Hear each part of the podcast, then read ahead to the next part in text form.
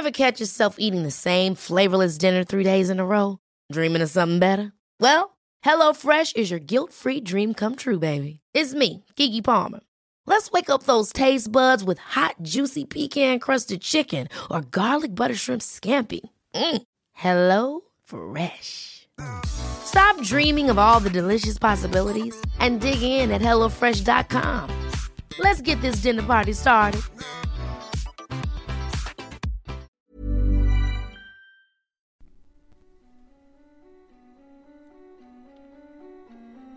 Hej och välkommen till Skräckstunden. En podcast för dig som älskar skräck.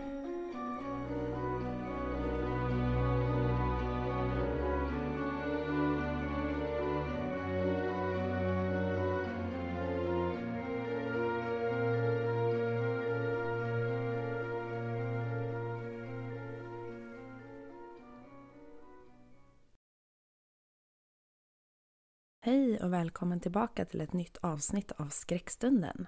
Den här veckan tänkte jag prova på att läsa upp en berättelse som jag helt och hållet har skrivit själv. Och givetvis så läses den också upp utav mig. Jag har valt att kalla den här historien för Herrgården. Och jag hoppas verkligen att ni kommer att tycka om det här. Jag vill bara tillägga att jag vill varna känsliga lyssnare, eller dig med svagt hjärta, för sekvenser i den här berättelsen som kan komma att upplevas som skrämmande.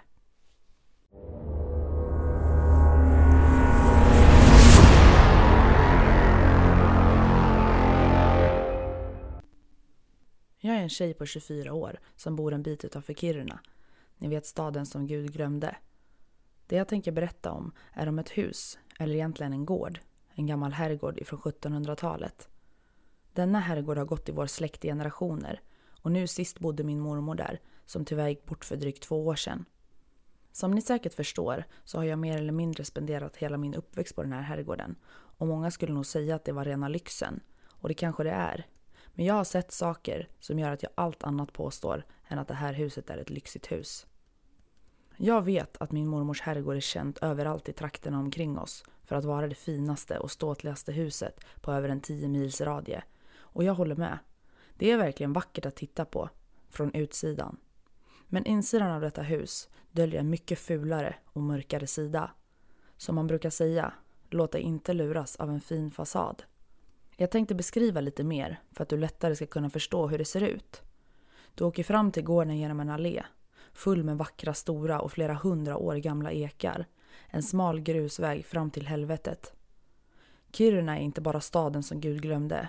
Detta hus är nog helvetet på en plats i Sverige. När du kört längs allén som är ungefär en kilometer lång med fina gröna åkrar på båda sidorna så kommer du fram till en grusplan den ser nästan ut som en rondell med en gräsplätt i mitten och en gammal stor fontän som fortfarande är i bruk på sommarhalvåret. Rakt framför det här sträcker sig den cirka 700 kvadratmeter stora herrgården i all sin prakt. Huset står vackert omringad av en perfekt klippt gräsmatta med syrenbuskar, fruktträd och en arkitektritad trädgård med lusthus och omsorgsfullt lagda stengångar som ger hela huset en känsla av makt och rikedom. Det stora huset är vitt med svart tak, med stora fönsterpartier med spröjsade fönster. Välskött och väl omhändertaget redan ifrån början. Man skulle nästan kunna tro att huset är nybyggt om man bara skulle se det utifrån. Bakom huset är det bara skog. Tjock och tät granskog som gör att husets baksida nästan konstant är täckt av mörker. Jag hoppas att du har fått en uppfattning om vad du möts av när du kommer dit. Men det jag tänker berätta gör mest troligt att du aldrig kommer vilja att åka dit. Som jag tidigare nämnde så har jag spenderat större delen av mitt liv på denna gård. Jag stod min mormor väldigt nära och jag älskade att vara med henne. Men om jag ska vara ärlig så har jag aldrig tyckt om det där huset. Jag vet inte riktigt vart jag ska börja. Men under min uppväxt bodde min mormor på gården ensam. Förutom två husor, som hon brukade kalla det. Men i dagens läge säger man nog hembiträde eller städerskor. Pigor kort sagt. De städade, tvättade, lagade mat och gjorde allting i hushållet medan min mormor mest roade sig med att virka, sticka eller påta i trädgården under den tiden på året som man kunde göra det. När jag var omkring åtta år gammal skulle jag sova hos mormor en helg och för att jag skulle kunna känna mig lite mindre ensam fick jag lov att ta med mig två kompisar som skulle få stanna över helgen tillsammans med mig. Det bästa med detta hus, som faktiskt var väldigt stort, var att leka kurragömma. Ni kan ju tänka er att det fanns en hel del gamla skrymslen och vrår i huset. Och jag tror att jag skulle kunna hitta nya ställen än idag om jag verkligen inspekterade huset grundligt. Det fanns lönndörrar och gångar lite här och var i huset. Så mina kompisar tyckte det var så roligt att få följa med till min mormor och vi kunde sysselsätta oss i timmar med att bara springa runt och leka kurragömma. Det har hänt så otroligt mycket konstiga saker i det här huset. Men jag tänkte specifikt berätta om en händelse som påverkat mig och fortfarande gör det. Mina kompisar Malin och Maja hade följt med den här helgen och efter att vi kommit dit och packat upp våra saker i rummet som vi bodde i skulle vi självklart börja leka. Malin skulle börja räkna och jag och Maja sprang åt varsitt håll för att gömma oss. Det fanns en garderob. Alltså inte en sån fristående garderob utan en sån som var inbyggd i väggen liksom. Där inne brukade mormor förvara julsaker och saker som hon inte använde så ofta så jag valde att krypa in där och tänkte att jag säkert kan gömma mig bra bland alla saker. Eftersom huset är stort så förstår ni säkert att det var inte en enkel match för den som skulle leta. Så ofta fick man sitta väldigt länge innan man väl blev hittad. Hur som helst, jag kröp in i garderoben så långt in jag bara kunde. Och hittade en gammal filt som jag dessutom drog över mig för att kunna gömma mig ännu bättre. Jag sitter där en bra stund när jag plötsligt hör att garderobsdörren öppnas. Jag antar då att det är Maja som inte har hittat något ställe än och också valt att komma in i garderoben utan vetskapen om att jag redan har gömt mig här. Jag viskar tyst. Maja, är det du? Det tar några sekunder innan jag hör en tung utandning, nästan som en suck. Och sen Maja som svarar. Ja, jag tänkte att du inte ville vara ensam här inne i mörkret. Jag kan än idag inte riktigt sätta fingret på varför jag kände som jag gjorde. Men det var någonting i mig som kändes så fel. Det kändes inte som Maja. Och dessutom, hur kunde hon veta att jag var här? Jag vet inte om jag bara är knäpp och inbillar mig. Men hon måste ju ha vetat det eftersom hon sa att hon tänkte att jag inte ville vara själv. Jag satt kvar tyst en stund innan jag kände en stark doft. En doft av parfym. Ni vet en sån här klassisk parfym som man tänker att gamla tanter har. Det är svårt att förklara men lite rosaktig. Men då visste jag. Det här är inte Maja. Jag minns så väl hur jag greps av panik. Men jag vågade inte heller titta fram bakom filten. Så jag satt kvar. Men jag kom på mig själv med att skaka i hela kroppen. Jag viskade igen. Maja, hur kunde du veta att det var jag som var här? Det tog några sekunder av total tystnad innan jag hörde det. Ett skrik som skar igenom både öronen och huvudet. Det var som att någon bara skrek mig rakt i örat, men ändå inte. Det var liksom som att det skreks inuti mitt huvud. Jag greps av panik. Jag slängde mig ut från filten samtidigt som jag blundade och kastade mig ut ur garderoben där jag möttes av dagsljuset igen.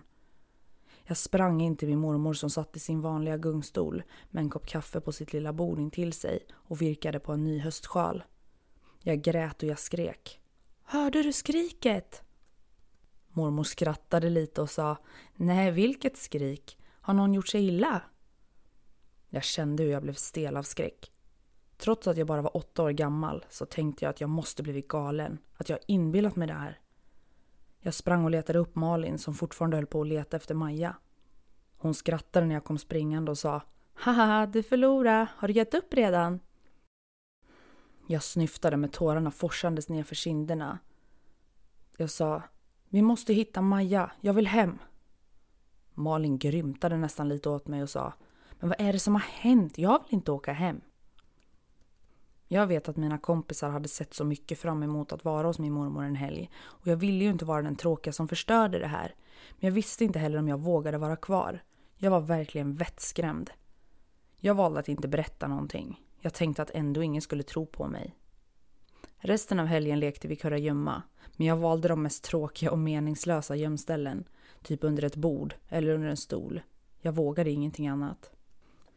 Det var först ungefär två år senare, när jag var runt 10-11 år, som vi ytterligare en helg skulle spendera den hos mormor. Mina kompisar ville givetvis leka kurragömma och jag tänkte för mig själv att jag måste sluta löjla mig nu. Att det som hade hänt den förra gången, det måste finnas en bra förklaring. Det var därför jag valde att även denna gång välja samma ställe igen.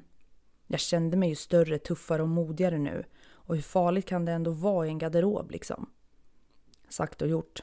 Malin började räkna, som vanligt, och jag gick till garderoben. Det var inte helt utan att jag faktiskt tvekade när jag skulle dra upp dörren. Till slut så tvingade jag mig själv och tänkte att men jag är snart 11 år nu. Jag är stor. Skärp dig Sofia. Bara gör det. Jag drog upp dörren som öppnades med ett litet gnisslande. Jag stoppade in huvudet och tittade runt. Ja, det såg ut precis som jag hade lämnat det och samma filt låg kvar på exakt samma ställe som jag kastat av mig den två år tidigare. Det var då jag bestämde mig. Jag måste gömma mig precis likadant som förra gången. Jag gick in. Jag stängde dörren efter mig. Jag kröp längst in i hörnet och satte mig under filten. Med öronen på spets lyssnade jag efter minsta lilla ljud och jag satt tyst och helt blickstilla. Den totala tystnaden bröts helt från ingenstans, helt utan förvarning. Det var där igen. Exakt samma skrik som för två år sedan. Jag blev förstenad i hela kroppen. Jag kunde inte röra mig. Jag visste inte längre vad jag skulle göra. Rädslan paralyserade mig och jag sa högt rakt ut. Lämna mig i fred! Det var tyst en stund. Jag satt kvar, fortfarande oförmögen att röra minsta muskel, tills jag hörde det. En tung suck rakt i mitt högra öra. Och jag hörde det inte bara. Jag kände utandningen i mitt öra. Jag kände det som att det var någon som blåste på mig. Men det skulle ju betyda att det, det sitter någon här, under filten. För det kan väl inte gå igenom filten? Någon är under samma filt som mig, precis intill mig. Jag bara skrek. Vem är du? Låt mig vara! Det är svårt att förklara det som hände sen. Men det var som att jag kände i luften att det blev lätt. Jag liksom kände hur närvaron som tidigare fanns bara försvann och att jag liksom var ensam igen. Jag vägrade resa mig. Jag vägrade lyfta bort filten. Jag satt kvar. Jag knep ihop mina ögon så hårt jag kunde och hoppades att Malin bara skulle ha hört mitt skrikande och komma och leta efter mig för att hitta mig nu så vi kunde vara tillsammans så jag kan gå ut härifrån. Konstigt nog kom ingen. Tiden gick och jag visste att hon kanske inte ens kommer leta här. Men hur kunde hon inte ha hört mitt skrikande? Jag insåg att jag måste gå ut nu. Mina ben hade somnat och stack som tusen nålar efter att jag suttit i en hemsk ställning i säkert 20 minuter. Jag reste mig upp, fortfarande med filten över huvudet och gick mot garderobsdörren. Jag sparkade upp garderobsdörren, gick ut och kastade in filten bakom mig utan att fortfarande ha öppnat ögonen och stängde dörren. Det var först då, när jag visste att jag hade stängt dörren bakom mig och jag var trygg ute i den ljusa hallen som jag vågade öppna ögonen. Men det var då jag insåg det. Jag satt fortfarande kvar inne i garderoben med filten över huvudet. Jag förstod ingenting. Jag drabbades ytterligare igen av en panikkänsla. Hur kunde jag gå ut ur garderoben men nu ändå, trots det, sitta kvar? Höll jag på att bli galen på riktigt? Varför kommer ingen när jag skriker? Är det här en mardröm? Jag slog till mig själv på kinden. Kanske i ett desperat försök att väcka mig själv eller att ramla ur den uppenbarliga trans som jag befann mig i. Men det hjälpte inte. Jag satt fortfarande kvar under den gamla illaluktande filten. Jag insåg att det inte fanns någonting annat att göra än att sitta kvar här. Någon gång måste ju någon börja leta efter mig. Mormor måste ju börja undra om jag varit borta tillräckligt länge. Men nu hade jag totalt tappat uppfattningen om hur länge jag har varit här inne. Men jag hörde någonting nu. Det lät som att någon drog någonting vasst eller typ naglarna emot väggen utanför garderoben. Och direkt efter det så hörde jag lätta knackningar.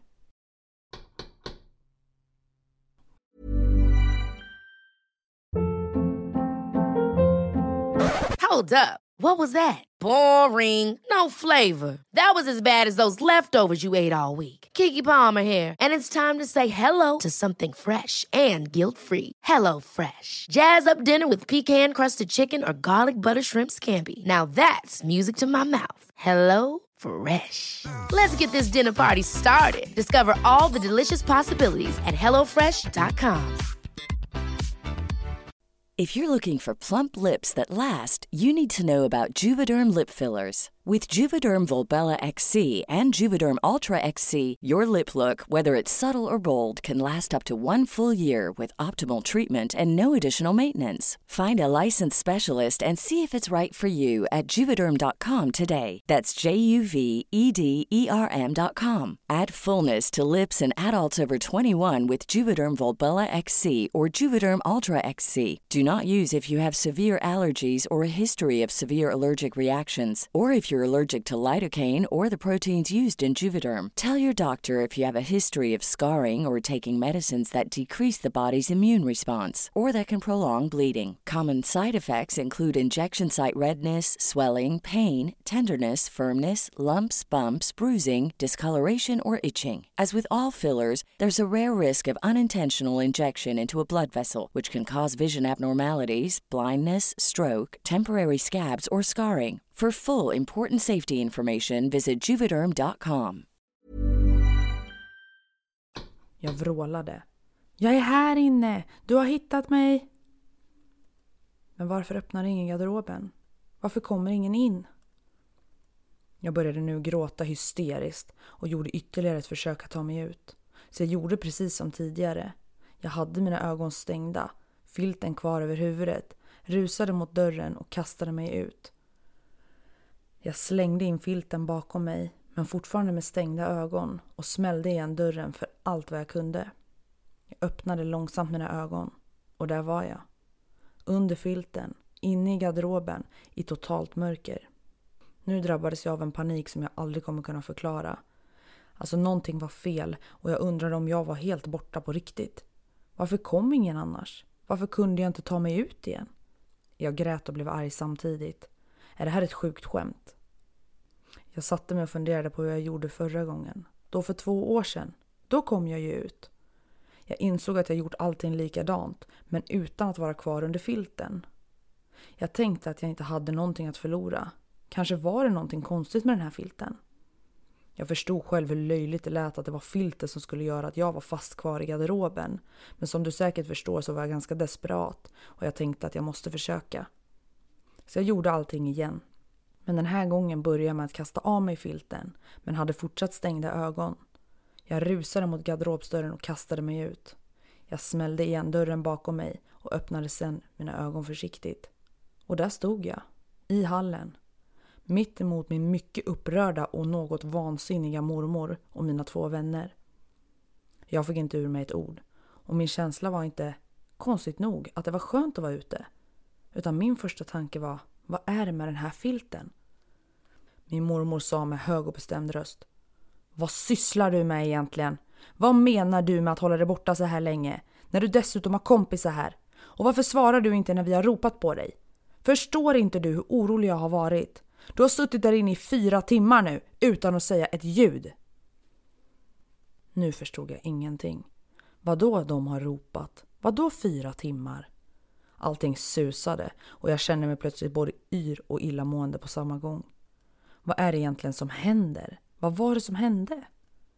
Mormor var uppenbart irriterad och arg och nästan gapade åt mig att jag skulle säga någonting. Men jag svarade fortfarande inte. Hon vände sig bestämt om och gick medan mina kompisar stod kvar frågande och bara tittade på mig. Vi gick upp till rummet vi sov i utan att prata eller ens säga något ord. När vi kom upp i rummet la jag mig på rygg i sängen och Malin frågade mig. Vad är det med dig egentligen? Du är så konstig. Är du sjuk? Jag är tyst en stund och sen sätter jag mig upp på sängkanten och jag berättar allting för mina kompisar. Allt om filten, hur jag hade suttit där, hur jag hade försökt att ta mig ut men trots ändå det satt kvar. Hur jag kände mig fången och panikslagen. De tittade på mig med en ganska dömande blick. Precis som att jag vore galen och att jag försökt skrämma upp dem. Malin sa till mig att hon skulle få försöka. Snälla, vi vill bara se om det händer igen, fast för mig tyckte hon. Jag tvekade ett tag, men jag minns så väl att jag tänkte, ja varför inte? Då kanske de andra kan tro mig om hon kunde berätta om samma upplevelse. Sagt och gjort. Malin gick in i garderoben medan jag och Maja valde att stå kvar utanför. Det var helt tyst där inifrån. Inte ett enda ljud. Jag hade berättat för Malin alla detaljer om hur jag testat att gå ut ur garderoben med filten över huvudet men även hur jag testat att göra det utan filten. Vi står där utanför vad som känns som en evighet. Men det var nog bara omkring en halvtimme innan dörren slängs upp och ut kommer Malin flygande. Hon ramlade ut ur garderoben. Mest troligt för att hon liksom kastade sig mot dörren och när dörren öppnade så ramlade hon ut. Hon låg på hallgolvet med stängda ögon utan att säga ett ord. Hon låg kvar en stund tills jag till slut stammade fram. Va, va, vad hände? Inget svar. Maja säger med nervös och nästan lite arg röst. Men lägg av nu! Det är inte kul längre! Vad håller ni på med egentligen? Försöker ni skrämma mig? Malin rycker till och öppnar ögonen. Vi står över henne och tittar upp på oss med en tom, men nästan sorgsen blick. Det såg ut som att hon skulle börja gråta vilken sekund som helst. Till slut stammar hon bara fram tre ord. Jag tror dig. Jag tog tag i Malins arm och hjälpte henne att ställa sig upp. Maja blev sur och sa att hon skulle ringa sin mamma för att bli hämtad. Nu ville hon bara hem. När vi pratat om den här händelsen efteråt har Maja förklarat att hon då trodde att vi kommit överens om att försöka lura henne och skrämma upp henne. Och därför kände hon att hon ville åka hem. Hon blev rädd och förbannad helt enkelt. Tiden går och resten av kvällen satt vi och tittade på film med varsin liten skål med chips och godis och vi sa i stort sett inte ett enda ord till varandra. Vi hade i alla fall övertalat Maja att stanna kvar och jag hade lovat båda två att jag ska ta reda på allting som har hänt och vad det faktiskt beror på. Det måste vara någonting. Vi kan väl inte vara tokiga både jag och Malin? Helgen lider mot sitt slut och vi alla åker hem till respektive hem och redan helgen efter väljer jag att åka till mormor igen. Inte då för att sova över, utan bara för att jag kände att jag var tvungen att fråga henne och jag måste berätta för henne om hela den här händelsen. Jag sätter mig ner på en pall framför mormor som i vanlig ordning satt i sin gungstol och stickade. Jag visste inte hur jag skulle börja, men jag tänkte att det inte finns något bra sätt, så jag började med att berätta. Berättade om filten, om andetagen, om skriket i huvudet. Ja, allt. Alla detaljer. Jag avslutade med att fråga mormor, vart kommer den här filten ifrån? Jag tror att allting har med den att göra. Mormor tittade besvärat om en arg blick och sa kort och bestämt. Rör aldrig den filten igen. Fråga inte mer, gå inte in i garderoben och framförallt, rör inte mina gamla saker. Efter att ha pratat med mormor förstod jag ännu mer att någonting faktiskt var fel. Men jag kunde inte släppa det. Hon ville inte att jag skulle fråga mer. Men vem mer kunde då veta? Jag vet att den ena kvinnan som jobbade hos mormor hade jobbat där i över 40 år. Kanske kunde hon veta någonting. Det var ju värt ett försök. Jag gick fram till Margareta som hon hette och frågade om jag kunde få fråga henne om några saker. Margareta som alltid var så snäll och varm och omhändertagande sa att jag självklart fick prata med henne. Hon dukade upp vid köksbordet lite saft och nybakade bullar och sen satte vi oss ner. Jag berättade om hur vi hade lekt gömma och om mitt perfekta gömställe. Om hur jag hade tagit filten som jag hittat där inne och om allting jag hört och känt. Margaretas varma och omhändertagna nyfikna blick när jag berättade ändrades på bara någon sekund till ren skräck. Hon sa bara högt och bestämt. Den där filten du pratar om, är den mörkblå med grönrutigt mönster? Jag tittade förvånat och sa att den såg ut precis så och jag sa även att vi kan gå dit så att jag kan visa. Margareta ställde sig hastigt upp och bara skrek Nej, nej, nej tack. Hon lugnade rösten en aning och la till Alltså, jag menar, det behövs inte. Jag, jag vet vad du menar, men nej, jag, jag vet inte. Men jag har inte tid att leka mer eller prata mer nu. Jag, jag har fönster att skura. Hon lät nervös. Sen ställde hon bara disken i diskon och gick. Kvar satt jag, ännu mer förvirrad än tidigare och ännu mer nyfiken. Varför var alla så konstiga? Hur ska jag kunna få veta? Åren gick och jag levde fortfarande kvar helt utan svar och förklaring. Fram tills för två år sedan när min mormor dog. När mormor precis gått bort åkte jag till herrgården för att få en stund ensam och för att få sörja mormor i fred. Av någon för dig kanske konstig anledning så väljer jag att gå till garderoben. Helt ensam i detta enorma hus så öppnar jag garderoben. Jag tar ett djupt andetag och jag går in. Det jag möts av är stolen med filten prydligt vikt ovanpå och ett kuvert med mitt namn. Jag såg direkt att det var min mormors handstil. Jag kan inte förneka att jag fick en klump i magen, Men samtidigt visste jag att jag nu kommer att få en förklaring. Jag tog kuvertet och gick ut ur garderoben. Jag gick och satte mig i min mormors gungstol och öppnade långsamt kuvertet. Jag har kvar brevet än idag och jag tänkte därför skriva ner hela brevet exakt så att du får höra och ta del av exakt det jag fick när jag satt i den där gungstolen. Hej Sofia! Jag har i så många år burit på det här och jag vet att jag varit vrång när jag gång på gång avvisat dig när du bara varit nyfiken. Jag förstår precis hur du måste ha känt men sanningen är att jag bara velat skydda dig. Jag vet inte allting men jag vill bara säga till dig att snälla, utmana inte ödet. Låt inte din nyfikenhet driva dig hur långt som helst. Du får inte röra filten, förutom en sista gång och det är när du eldar upp den. Du måste lova mig att du gör det. Du måste bränna den. Och lämna inte platsen innan du ser att hela filten verkligen brunnit upp. Jag förstår att du blir ännu mer nyfiken om filterns ursprung nu och nu vet jag att du är vuxen och du klarar att höra sanningen, även om jag inte vet riktigt allt. Det jag vet är att filten är ifrån omkring 1840-talet då en man vid namn Hans hade filten som han i sin tur fått av sin mamma som själv hade gjort den åt honom. Hans bodde i detta huset och filten är tack och lov det enda som finns kvar efter honom. Han var inte en trevlig man, sanna mina ord. Hans bodde tillsammans med sin mamma och pappa i det här huset och hade aldrig kvinnor eller ens en tanke på att flytta hemifrån. När han var omkring 30 år började folk i hans omgivning märka att Hans inte mådde bra. Han visade många tecken på att vara psykiskt instabil. För att göra en lång historia kort så försämrades Hans psykiska tillstånd och han tros ha drabbats av en psykos och har lidit av en allvarlig psykisk störning. När Hans är 32 år gammal torterade han både sin mamma och sin pappa till döds och mammans kropp hittades cirka fyra år senare av en av hans husor inne i garderoben täckt med filten som hon själv gjort till sin enda son. Man tror att filten därför är en koppling mellan mamman, filten som hon så egenhändigt har gjort och att det blivit som en typ av förbannelse.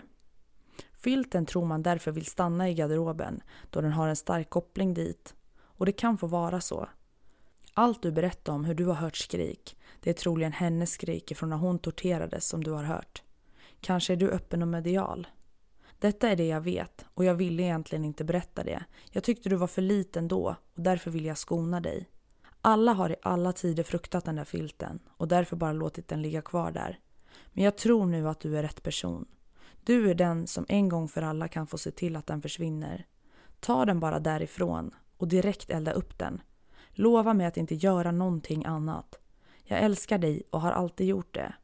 Förlåt att jag höll tyst i så många år. Med kärlek, mormor Anja. Jag bröt min mormors förtroende. Och detta är mitt sätt att få rensa mitt samvete. Jag erkänner, jag svek hennes sista önskan. Jag gick inte och direkt eldade upp den. Jag experimenterade med den. Jag minns inte hur, men jag har testat många olika saker. Och jag tror på det. Det är nog verkligen en förbannelse. Men det jag vet nu är att jag älskar den där filten. Och jag har aldrig varit med om att en filt varit så mjuk, varm och mysig någonsin. Jag mår så bra av den. Det är därför det enda jag har valt att behålla efter min mormor. Där jag bor får jag inte ha så mycket saker. Mina vårdare tog i stort sett allting när jag kom hit, men jag trivs. Så länge jag har min filt så är allting okej. Okay. Jag kommer få bo här länge och jag lovar, för varje person som i fortsättningen kommer att försöka ta filten ifrån mig kommer min tid här förlängas. Jag menar det. Jag dödar för att få ha filten efter min mormor kvar. Brev från Sofia. Rättspsykiatriska avdelningen 28A. Du har lyssnat på Skräckstunden. En podcast som får ditt blod att frysa till is. Ha en fin vecka så hörs vi snart igen.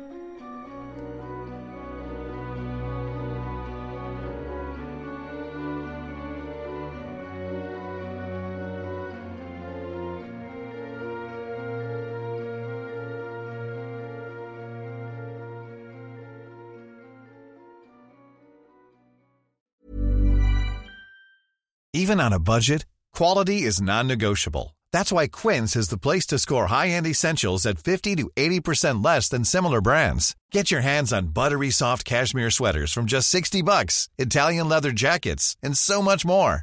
And the best part about Quince, they exclusively partner with factories committed to safe, ethical, and responsible manufacturing. Elevate your style without the elevated price tag with Quince. Go to quince.com/upgrade for free shipping and 365-day returns.